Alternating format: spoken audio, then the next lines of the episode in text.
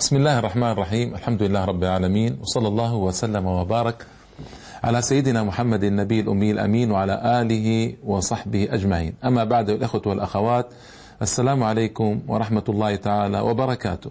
وأهلا وسهلا ومرحبا بكم في هذه الحلقة الثانية والأربعين من سلسلة الحملة الفرنسية على الجزائر التي آه، سبقتها حلقة تحدثت فيها عن مولد جمعية علماء المسلمين في الجزائر. وهذه الحلقة ستتحدث عن مؤسسها الشيخ عبد الحميد بن باديس رحمه الله تعالى حديثا موجزا يتبين معه, معه جوانب من شخصيته ويتبين أيضا أيضا جوانب من عمل جمعيه العلماء في الجزائر أكمل به ما سبق في الحلقة الماضية. الشيخ ولد في مدينة قسنطينة سنة 1307 في التاريخ الميلادي 1889 في مدينة قسنطينة كان أبوه مشهورا وجده أيضا وأسرة مشهورة أسرة كبيرة تنتهي إلى المعز بن باديس الصنهاجي و أمه أيضا من أسرة ابن جلول وهي أسرة أيضا كبيرة ومشهورة على مدار أربعة قرون في الجزائر. أبوه كان آه، هو اسمه محمد بن مصطفى ابن باديس. أبوه توفي سبحان الله بعده.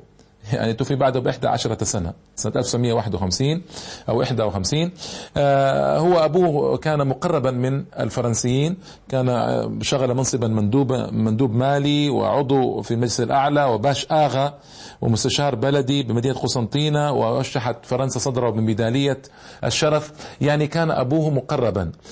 هذا التقريب أو هذه هذه الصلة الكبيرة بفرنسا آه، أو باستخراب فرنسي في الجزائر سمحت لابنه أن يتحرك بحرية. سبحان الله. يعني كيف هذا الرجل آه، أبوه يعني آه، الله سبحانه وتعالى قدر أن يكون مقربا من الدوائر الاستخرابية الفرنسية حتى يعاون ابنه يعاون ابنه وحتى يكون درءا وحماية لابنه حتى يصير ابنه يتحرك بأكبر قدر ممكن من الحرية آنذاك. وإله في أقدار جل جلاله آه، في كونه. آه، وتتلمذ كطبيعة آه، علماء ذلك الزمان في نشأتهم الأولى تتلمذوا على عدد من المشايخ مشايخ الجزائر. عدد من مشايخ الجزائر منهم حمدان الونيسي وغير حمدان الونيسي. المهم استطاع أن يتأثر آه، أو أن يستفيد من احتكاكه بمشايخ الجزائر لكنه أراد أن يرتحل كعادة العلماء الكبار آنذاك فارتحل لجامع الزيتونة في تونس وكان آنذاك قبلة كثير من طلاب العلم لأن مشهور الزيتونة آه، مشهورة جدا على مدار التاريخ. آه، تأثر آه، بالشيخ محمد النخلي في قضية الإصلاح وعدم التقليد والتحرر من التقليد. وأيضا أبان له عن منهج الصحيح في فهم القرآن الشيخ محمد النخلي. أثار فيه الشيخ محمد الطاهر ابن عاشور الإمام الكبير والعالم الضخم آه، الذي سبحان الله توفي بعد ابن باديس بأعوام طويلة. وولد قبل ابن باديس بأعوام طويلة عاش مئة سنة تقريبا بينما ابن باديس ما عاش إلا آه، اثنتين وخمسين سنة فقط. المهم أثار فيه حب العربية وتذوق جمال العربية و يعني قضى أربع سنوات في جامعة الزيتونة ورحل إلى الحجاز لأداء فريضة الحج والتقى بشيخه السابق حمدان الونيسي في المدينة. آه، والتقى بالبشير الإبراهيمي والذي كان أيضا قد ذهب إلى المدينة وحج وذهب إلى المدينة وكان يتسامران طويلا الشيخ البشير الإبراهيمي وعبد الحميد بن باديس في شأن الجزائر ما الذي ينبغي أن يصنعانه؟ كيف يخلصان الجزائر من الاستخراب الفرنسي؟ كيف يقومان بالتعليم الإسلامي في الجزائر والتعليم العربية؟ كيف يصلحان؟ كيف يعملان؟ آه، سمر طويل وهذا ثمر عبادة لا شك وقرب إلى الله تبارك وتعالى. شيخه حمدان الونيسي أشار عليه بالبقاء في المدينة والمجاورة في المدينة وعدم الرجوع إلى الجزائر. كان هناك شيخ هندي مشهور كان مجاورا في المدينة مدة طويلة اسمه حسين ابن أحمد الهندي. آه، ودرس عليه آه، ابن باديس ورفض الشيخ الهندي أن يبقى ابن باديس في المدينة وقال له أبدا إن عاقبة العلم أن يتبعه عمل. فأنت الآن ينبغي أن تذهب إلى الجزائر وتعمل بعلمك. وكانت كان هذا الشيخ مباركا وتوجيهه كان مباركا فيه البركة الكبيرة وكان الشيخ واعيا سبحان الله لمقتضيات عصره وزمانه. في ونصيحته تلك أثرت في الشيخ عبد الحميد بن باديس الذي عاد مر على مصر ومر على بلاد الشام ثم عاد إلى الجزائر سنة 1914 وابتدأ يدرس في العلوم الإسلامية في الجزائر تحت رعاية والده وحماية والده كما قلت لكم الذي كان مقربا من الاستخراب الفرنسي. آه، كان بدأ ينظم دروسا في المساجد ابتدأ بالمسجد الأخضر في قسنطينة آه، اجتمع حوله عدد من الطلاب ابتدأ يدرسهم آه، وكان شيخه طلب منه ألا يتوظف ابدا أحد مشايخه طلب منه ألا يتوظف ابدا وهو حمدان الونيسي هذا الذي درس عليه وفي طفولته وفي نشأته طلب منه ألا يتوظف أبدا عند الفرنسيين ودائما أن يعتمد على العمل الحر أو على ثروة والده. المهم ألا يتوظف عند الفرنسيين أبدا وهذا الذي جرى لم يتوظف يوما عند الفرنسيين. آه، وابتدأ تفسير تفسير القرآن العظيم وانتهى منه بعد خمسة وعشرين عاما. قبل موته بسنتين سبحان الله احتفل بختم القرآن في الجزائر في ربيع الثاني سنة 1357 يونيو سنة 1938 المهم ظل 25 سنة يفسر القرآن العظيم. هذا يدلك على آه، مدى آه، سعة صدره ونفسه الطويل وتفرغه للعلم وجلوسه له ومكثه الطويل في آه، الدروس العلمية. وهذا من أهم الميزات الكبيرة للعلماء الكبار آه، طول النفس وطول مدة التعليم. وعمل آه، في الحقيقة أيضا آه، من أبرز آه، أعمال ابن باديس ونشره للتعليم العربي والإسلامي في في مدارس كثيرة أنشئت وقد تحدثنا عنها في الحلقة الماضية.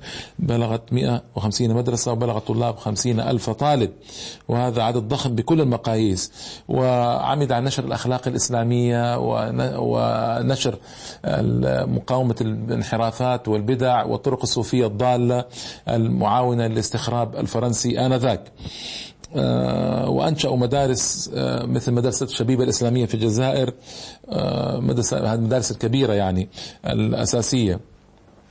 وخص المرأة وهذا عمل متقدم من عبد الحميد بن باديس بدروس أسبوعية على مدار الخمس سنوات الأخيرة من حياته رحمة الله تعالى عليه لما كان موقنا من أهمية تعليم المرأة في الجزائر والعناية بها. بل إنه كان يهدف إلى ابتعاث عدد من الفتيات المسلمات إلى تونس وغير تونس لكن آه، قيام الحرب العالمية الثانية منعه من تحقيق مشروعه العظيم هذا. آه، من أجل اكتمال إكمال تعليمهن خارج الجزائر. آه، ابن باديس نظر إلى الوضع ورأى أن التعليم الفرنسي هو الغالب. فعمد إلى وضع السياسة التعليمية ينقذ بها الجزائر وينشر فيها التعليم العربي. آه، الحركة الباديسية آه، تقلبت في ثلاث مراحل. المرحلة الأولى آه، توعية وترشيد الأمة من خلال العناية بالناشئة وكان هذا هاجسه الأكبر العناية بالناشئة والأطفال والغلمان والصبيان والشباب. هذا هذا هاجسه الأكبر كان وهو محق في هذا لأن هؤلاء هم مستقبل الأمة بإذن الله تعالى. آه، نشر مفاهيم الاجتماع الإسلامي الوحدة الإسلامية التي كانت شبه غائبة في القرن التاسع عشر. المرحلة الثالثة آه، توعية الجزائريين بأهمية مقارعة الاستخراب الفرنسي آه، إلى غاية أو نهاية هذه المقارعة وهي العصيان المدني أو حتى الجهاد. وثبت أن عبد الحميد بن باديس رحمة الله تعالى قبل موته قد قال لطلابي قال لو وجدت عشرة من عقلاء الجزائر يعاونونني على إعلان الثورة على فرنسا لأعلنتها. هكذا يقول. وبعض التلاميذ يقول إنه قد عزم في آخر حياته أنه إذا أعلنت إيطاليا الحرب على فرنسا أن يعلن هو ذاك أنه مات في خضم الحرب العالمية الثانية أن يعلن هو الثورة على فرنسا. وهذا تفكير متقدم منه رحمة الله تعالى عليه وخاتم خاتم تدرجه آه، الإصلاحي وهذا أمر معلوم من عبد الحميد بن باديس رحمة الله تعالى عليه. كلام طويل وأنا أحاول أن أوجز في حياة ابن باديس والمعالم الكبيرة في حياة ابن باديس. رحمة الله تعالى عليه. آه الفرنسي بوفراي كتب يقول إن حياة وثقافة ابن باديس لم تكن مقتصرة على الإصلاح الديني وفق التعاليم الإسلامية فقط بل أن الرجل قدم أو قام بعمل آه، مهم في الحياة السياسية الجزائرية آه، في آه، للجزائريين. وقد عبر عنها الكاتب بالوطنية الإسلامية. طبعا هناك عدد من المصلحين سبقوا ابن باديس لكن في الإصلاح لكن إصلاحهم كان سطحيا أو شبه سطحي. هو نفذ إلى أعماق وأغوار المجتمع الجزائري في إصلاحه ذلك عن طريق تعليمه الإسلام وتعليمه العربية وهذا أمر مهم وجليل. آه، ابن باديس له طروحات رائعة منها أنه رفض الزواج بالفرنسيات واعتبر ذلك مروقا عن الشريعة الإسلامية وحارب ذلك آه، قطعا لطريق أصحاب الاندماج بفرنسا. آه، وقال إن النسل الذي سيظهر سيكون ممزقا في ولائه بين فرنسا والجزائر وهو محق في ذلك. أفتى أيضا آه، آه، بقضية قضية مهمة وخطيرة جدا هي قضية التجنس بالجنسيه الجزائرية الفرنسية أعني. كانت فرنسا قد أعلنت أن من يريد أن يتجنس بالجنسية الفرنسية عليه ان يتخلى عن قانون الأحوال الشخصية فكتب في ذلك فتوى وعد ذلك ردة. ونعم ردة. لماذا ردة؟ إذا كان إذا كان الجزائري يتنازل طوعا عن قانون الأحوال الشخصية الميراث الزواج الطلاق ويتزوج زواجا مدنيا وينبذ الشريعة الإسلامية طائعا مختارا. ما الذي يدعو إلى هذا؟ فإن كان طائعا مختارا فهي ردة ولا شك. وما هناك إكراه. ولماذا يكره على ما كان الفرنسيون يكرهون الجزائريين على التجنس بالجنسية الفرنسية؟ أبدا. فذهاب الجزائري ليتجنس بالجنسية الفرنسية ويتنازل عن قانون الأحوال الشخصية الإسلامية وتنازل عن دينه في الحقيقة. لذلك أفتى ابن باديس بردة من قام بهذا العمل. هناك بعض العلماء ما فهموا ربما أو ما ما فهموا لكن ما استطاعوا يستوعبوا الفتوى الباديسية هذه. وعلى رأسهم الطاهر بن عاشور في تونس وقد أصدر فتوى مخالفة لكن ربما لم يستطع الطاهر بن عاشور أن يفهم منطلقات ابن باديس. منطلقات ابن باديس في فتواه تلك. وأنا أرى والله أعلم بعد دراسة الفتوى ودراسة فتوى الشيخ الطاهر أن ابن باديس كان محقا في إصدار فتواه وأنه أنقذ أنقذ الجزائريين من من اندماج كامل كان يمكن أن يؤدي بهم إلى ذهاب دينهم بالكلية لا قدر الله. أيضا كان يعالج قضايا الاقتصاد وأن النهضة الجزائرية لا تتم إلا بالتفات إلى الجوانب المادية المالية في آه، الجزائر. وأشار وطلب أن يعلم الجزائري الحرف والمهن. وأن ينشئ المصانع أن تنشأ المصانع في الجزائر وتفكير أيضا متقدم ابن باديس أيضا من أعمال ابن باديس الكثيره أعمال كثيرة في الحقيقة أنه رد على فرحات عباس. فرحات عباس هذا رجل تقلب تقلب واستقر به تقلبه في النهاية إلى أن يكون مع الثورة الجزائرية ولله الحمد هذه نعمة. لكن بدايات كانت عجيبة حتى أن أصدر مقالا في جريدة قال فرنسا هي أنا. فرنسا هي أنا. وقال كلاما عجيبا جدا قال نظرت في التاريخ والجغرافيا فلم أرى للجزائريين وطنا ولم أرى للجزائريين آه، تاريخا. آه، يعني عجيب. يقول هذا الوطن غير موجود ولم أكتشفه. سألت التاريخ وسألت الأحياء والأموات وزرت المقابر فلم يكلمني أحد عن الوطن الجزائري. طبعا هذا يعني أمر عجيب من فرحات عباس لكن كان مغررا به. كما قلت لكم انتهى به الحال. الحمد لله إلى أن يدخل آه، غمار الثورة على فرنسا بعد ذلك. بسنوات. رد عليه آه، ابن باديس في مقولته الشهيرة قال إن هذه الأمة الجزائرية الإسلامية ليست هي فرنسا ولا يمكن أن تكون هي فرنسا ولا تريد أن تصير فرنسا ولا تستطيع أن تصير فرنسا حتى لو أرادت لأن أمة بعيدة كل البعد عن فرنسا في لغتها وفي أخلاقها وفي عنصرها وفي دينها. لا تريد أن تندمج ولها وطن محدود معين هو الوطن الجزائري وكان هذا أبلغ رد على فرحات عباس الذي كان يمثل آنذاك كتلة الاندماج في فرنسا. مسألة البربر وستأتي إن شاء الله تعالى وكتب آه، مقالا جميلا قال ما جمعته يد الله لا تفرقه يد الشيطان. وقال إن أبناء يعرب وأبناء الأمازيغ قد جمع بينهم الإسلام منذ بضعة عشر قرنا ثم دأبت تلك القرون تمزج بينهم في الشدة والرخاء وتؤلف بينهم في العسر واليسر وتوحدهم. وكتب أبناء يعرب وأبناء الأمازيغ آيات اتحادهم على صفحات هذه القرون بما أراقوا من دمائهم في ميادين الشرف. يعني الجهاد يقصد إلى آخره وكان كلاما جميلا آه، سيأتي إن شاء الله المسألة البربرية فيما بعد بالتفصيل. آه، ابن باديس ما فقد الأمل في فرنسا إلا في مراحل متأخرة من حياته. كان يأمل أن فرنسا تكافئ الجزائريين على مواقفهم الجليلة في الحرب العالمية الأولى آه، و وأن تستجيب لمطالبهم بنوع من الاستجابة. لذلك بعد سنة 36 ونشوء المؤتمر الإسلامي وذهابه هو إلى باريس ذهب ليبلغ مقررات المؤتمر إلى فرنسا. ووقف على حقيقة مرة أن فرنسا لا تريد فعلا أن تلبي مطالب الجزائر إنما هي تماطل وتؤجل. ابتدأ يتحول إلى آه، إرادة الصراع مع الفرنسيين. وقلت لكم كيف ختم حياته بالنية الصادقة بإعلان الثورة آه، لو وفق عليها من عشر من عقلاء الجزائر. يعني هو رأى هذا. أيضا توسعت احتجاجاته ضد السياسة الفرنسية ما بين سنة 1936 وسنة وفاته سنة 1940 يقول لقد لقيت هذه الجمعية من الحكومة العنت والبلاء وأوصدت المساجد في وجه العلماء وقامت برفض التعليم العربي والقرآني وصورت رجال الجمعية بصورة آه، صورة آه، الأعداء لتبعد عنهم إخوانهم. إلى آخر ما قال رحمة الله تعالى عليه. آه، أصبح خطابه بعد ذلك كما قلت لكم مشحونا بالتصادم والقوة التي لم تكن تعهد في ابن باديس في المراحل الأولى من حياته.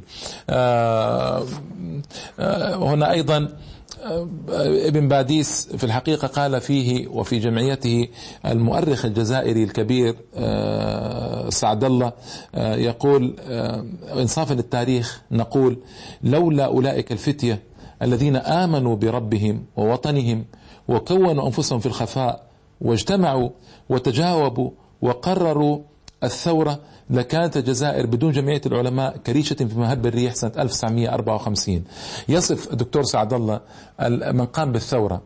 آه، يقول إنهم لولا الله ثم هذه جهود الجمعية وجهود باديس ورفاقه في تكوينهم التكوين العربي الإسلامي لكانت ثورتهم في مهب الريح يعني لم يكن لها منهج محدد واضح آه، جيد آه، قوي. من المواقف الجميلة لابن باديس أن لما هدد بإغلاق مسجده قال له المندوب الفرنسي إما أن تقلع عن تلقين تلاميذك هذه الأفكار وإلا أرسلت الجنود لقفل المسجد وإخماد أصواتكم المنكرة. فقال الشيخ يعني جوابا عجيبا إنك لن تستطيع. فاستشاط غضبا وقال كيف لا أستطيع؟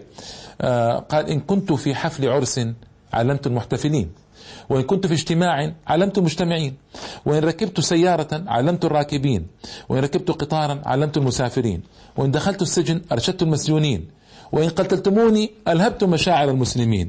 فخير لكم ثم خير لكم ثم خير لكم ألا تتعرضوا للأمة في دينها. فوالله لا نقاتلكم إلا بهذا الدين والله لا نقاتلكم إلا لهذا الدين. كلام رائع من ابن باديس رحمة الله تعالى عليه. كان أيضا مما شارك فيه ابن باديس مشاركة جيدة في محاولة إصلاح التعليم في جامع الزيتونة بتونس. كان الحاكم آنذاك آه، يريد آه، إصلاح التعليم في الزيتونة فأرسل مقترحاته ونظرته خاصة وكان طالبا في الزيتونة أربع سنوات كما سبق أن ذكرت لكم. بعث بمقترحاته سنة 1350 1931 إلى تونس وفي خلاصة آرائه في التربية والتعليم وما الذي ما هي المواد التي يجب أن يدرسها الملتحق بالجامع؟ الزيتوني من اللغة والأدب والعقيدة والتاريخ والجغرافيا ومبادئ الطبيعة والفلك والهندسة وقسم الدراسة إلى مرحلتين آه، تستغرق ثماني سنوات ويعني تفصيل طويل لا داعي لذكره الآن. ماديس حاولوا أن حاولوا أن يغتالوه آه، الصوفية وسأذكر هذا إن شاء الله تعالى في يعني قضية الصوفية وابن باديس آه، في الحلقة القادمة لأن الكلام فيها يطول آه، يقول ابن باديس أيضا عند في فراش موته مات ويهتف رحمة الله تعالى عليه إذا هلكت فصيحتي تحيا الجزائر. والعرب يعني العربية يعني والحس العربي الإسلامي في الجزائر.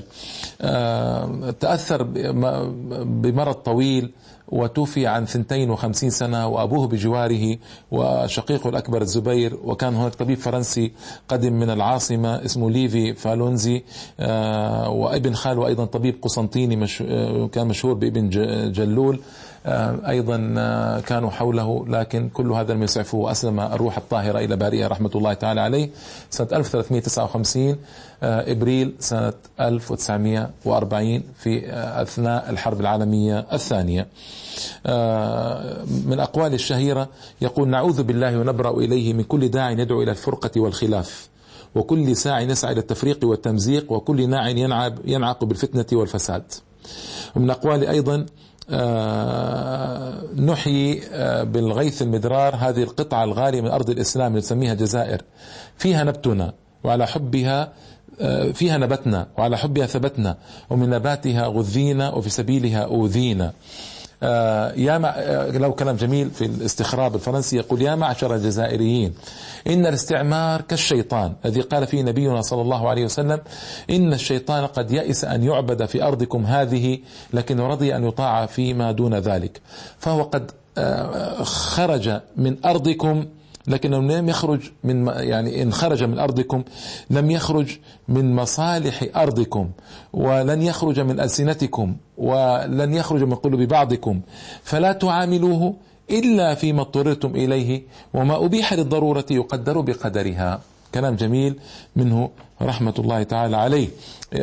يظهر بوضوح فهمه الجلي الواضح للاستخراب الفرنسي ولأوضاع الفرنسيين في الجزائر.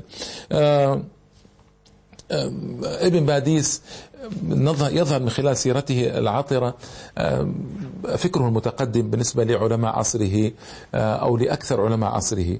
عنايته بالمرأة عنايته بالجوانب الاقتصادية عنايته ببعض الجوانب السياسية على أن ميثاق الجمعية يحرم تحريما باتا اشتغل بالسياسة لكن كان يمثل بشخصه كمؤتمر الإسلامي الذي كان سنة 1936 وغير ذلك. ذهبوا إلى باريس وكان يعني أيضا آه، موفقا في هذا. ويعني كان له كلمة جميلة عندما في باريس أطلعوا على مدفع عملاق كبير آه، قالوا قبل أن تأتي تطلب الاستقلال من آه، فرنسا آه، اصنعوا مثل هذا المدفع في الجزائر ثم تعالوا اطلبوا استقلال منا. قال عندنا مدفع أعظم منه وأكبر. فتعجب آه، الرجل وقال له ما هو هذا المدفع؟ قال مدافع الله. الله أكبر. هي أعظم من مدفعكم هذا. يعني القوة وإلقاء وقوة الإلقاء على الآخرين حسن الفهم لمقاصد الإسلام الجد والثبات والهمة العالية كانت واضحة في حياته. التنقل الدائم في مدن الجزائر الدروس الطويلة التي كان يقوم بها من الفجر إلى العشاء دروس متواصلة الهمة العالية الرغبة في عمل شيء. هو هذا الملمح البارز في حياة عبد الحميد باديس ابن باديس رحمة الله تعالى عليه. الرغبة في التغيير. الرغبة في عمل شيء. هذه الرغبة كان يساندها همة عالية ونفس أبية وعمل متواصل. فإذا تحقق لأي شخص يريد إصلاح هذه العوامل كان هذا الشخص آه، آه، عاملا منجزا في حياته. لا يموت غالبا إلا وقد أنجز شيئا عظيما، لا يموت غالبا إلا وقد أنجز شيئا عظيما. آه، تصديه للطرق الصوفية كان آه، سأتحدث عنه إن شاء الله تعالى في الحلقة القادمة. موقفه موقفه من الصوفية ومن أعدائه يعني من الصوفية ومن غير الصوفية. وفي الحقيقة موقف الصوفية كان مخزيا من ابن باديس. سأتحدث عن هذا إن شاء الله تعالى في الحلقة القادمة. لكن كان واضحا في ذهني قضية الصوفية وتصوف هذه الشق الضال من الصوفية في الجزائر آنذاك. ومعاونتهم الاستخراب العالمي آه، عموما واستخراب الفرنسي في الجزائر. آه، القول بالحلول والاتحاد كان هذا موجودا أيضا للأسف الشديد. الإضلال العامة وجمع الأموال والعكوف على القبور مظاهر كلها حاربها بقوة وسخر حياته لها رحمة الله تعالى عليه. اجتماع عدد من كبار العلماء حول حول ابن باديس وهذا أيضا مهم كون أتباعا عظاما. البشير الإبراهيمي الطيب العقبي المبارك مبارك الميلي العربي التبسي هؤلاء كلهم من أكابر علماء الجزائر وكانوا مجتمعين حول ابن باديس. يعني فعلا استطاع أن يعمل شيئا كبيرا في الجزائر استطاع أن يحرك الراكد في الجزائر. هذا أمر مهم. أن يحرك الراكد السياسي والتعليمي والثقافي والفكري في الجزائر. كما قلت في حلقات سابقة لم يكن غير الإسلام في الجزائر. مبدأ يتكئ عليه المصلحون آه، أو الثوريون. مبدأ ينطلقون منه. لم يكن هناك غير الإسلام في مراحل كثيرة من حياة الجزائريين. فاستغل ابن باديس هذا وعمقه وثبته في نفوس الجزائريين من خلال مجلته الشهيرة البصائر آه، ومجلة الشهاب وغير ذلك من الصحف التي أصدرها ثم أوقفت. فحسه الإعلامي قوي حسه الاقتصادي قوي حسه الفكري والثقافي قوي. آه، هناك بعض الأمور الأمور التي لم يفهمها حق الفهم خاصة موقفه من آه، آه، هذا الهالك أتاتورك. كان له موقف عجيب وغريب لكن لا أعرج عليه طويلا الآن أنه ليس علاقة له علاقة بالوضع الجزائري المباشر. ارجعوا إليه إن شئتم في تاريخ ابن باديس لكنه في الحقيقة لم يفهم أتاتورك وأثنى عليه آه، كثيرا لأنه لم يفهم المصائب الكبيرة والكثيرة التي أتى بها أتاتورك ولوث بها المجتمع. التركي آه، في زمانه حتى هلك إلى غير رجعة ولله الحمد واليوم تركيا بدأت تسترجع آه، كثيرا من تراثها وتاريخها بفضل الله تعالى. وبعد هذه آه، قصة حياة ابن باديس ذكرت جوانب منها في الحلقة الماضية وسأذكر أيضا جوانب منها في الحلقتين القادمتين إن شاء الله تعالى. وإلى اللقاء والسلام عليكم ورحمة الله تعالى وبركاته.